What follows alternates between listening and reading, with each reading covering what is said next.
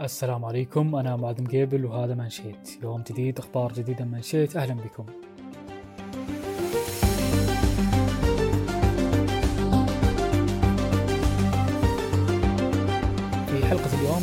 نتحدث عن النسخة الثامنة من مهرجان الملك عبد العزيز للإبل اللي راح ينظمه نادي الإبل تحت شعار عز لأهلها والآن مع بداية شهر ديسمبر انطلقت فعالية النسخة الثامنة من مهرجان الملك عبد العزيز للإبل اللي راح ينظمه نادي الإبل تحت شعار عز لأهلها في أرض الصياد. المهرجان بيستمر حتى نهاية شهر ديسمبر أعاد الحياة والحيوية لصحراء الدهنة. ومع المهرجان أصبحت واجهة للزوار وتوزعت فيها وحولها المخيمات والمحلات ودبت فيها الحياة. من جديد وتجددت المنطقة بلباس يجمع روح التراث ومفردات الحضارة لتكون وجهة سياحية واقتصادية وترفيهية خصوصا بعد أن دشنت قرية متكاملة دائمة مرتبطة بالمهرجان السنوي اللي بيشهد حضور الآلاف من المواطنين والمقيمين إلى جانب الأشقاء من الدول المجاورة كما يشهد وفود سياحية عالمية. هذه المنطقة بالتحديد كانت هي نقطة لتجمع جيوش الملك عبد العزيز آل سعود في مسيرة توحيد للبلاد. فلها عمق تاريخي ودلالة وطنية وكانت محطة لقوافل الحجاج والتجارة بوصفها حلقة وصل يمرونها من شرق إلى غرب المملكة والعكس. مهرجان الملك عبد العزيز للإبل يهدف إلى تأصيل تراث الإبل وتعزيزه إلى الثقافة السعودية والعربية والإسلامية وتوفير منظومة اقتصادية متكاملة من حيث المزاد والمستلزمات والصناعة المتعلقة بالإبل وتنمية عوائد المجتمع والمهتمين بهذا التراث العربي الأصيل. وصممت إدارة المهرجان هذا الموقع اللي اسمه مزادي الإبل. تحت مسمى القرية السعودية للإبل لإقامة الأنشطة والفعاليات المتعلقة بالإبل وثقافتها.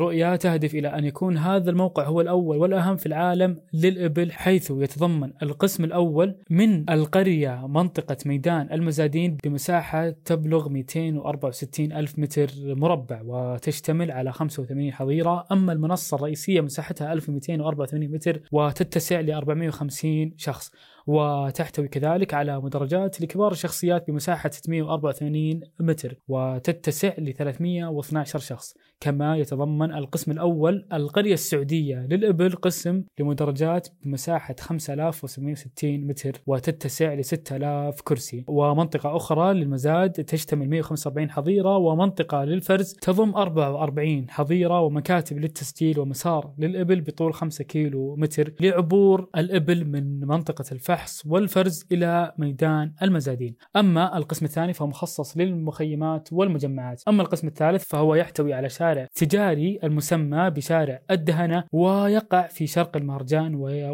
ويبلغ طوله 2 كيلو متر مربع. في القسم الرابع هناك القرية والمنتزه الصحراوي وفيه مناطق للأنشطة والفعاليات الترفيهية والثقافية ومنطقة لبيع المنتجات والمأكولات الشعبية إضافة إلى الحرف والصناعات اليدوية. المهرجان فيه فعاليات ثقافية وتراثية رائعة تستهدف جميع الفئات العمرية تستهدف جميع الفئات العمرية. ويقوم نادي الإبل بالعديد من المبادرات التي تخدم عشاق هذا التراث العالمي. كما يحتضن المهرجان متحف العقيلات فعالية شعر المحاورة ومنطقة الشاق الصقور وسوق التراث اللي يضم أدوات التخييم ومستلزمات الإبل والمجالس التراثية والبهارات ولوازم القهوة والأسر المنتجة والطبخ الشعبي. المهرجان بيستمر حتى نهاية شهر ديسمبر فعندكم وقت لزيارته والاستمتاع بفعاليته اللي تعزز مفهوم الارتباط بتراث الماضي. ونقله إلى الأجيال بكل اعتزاز وفخر. وإلى هنا وصلنا لختام شيء لهذا اليوم. موعدنا معكم غدا. في أمان الله.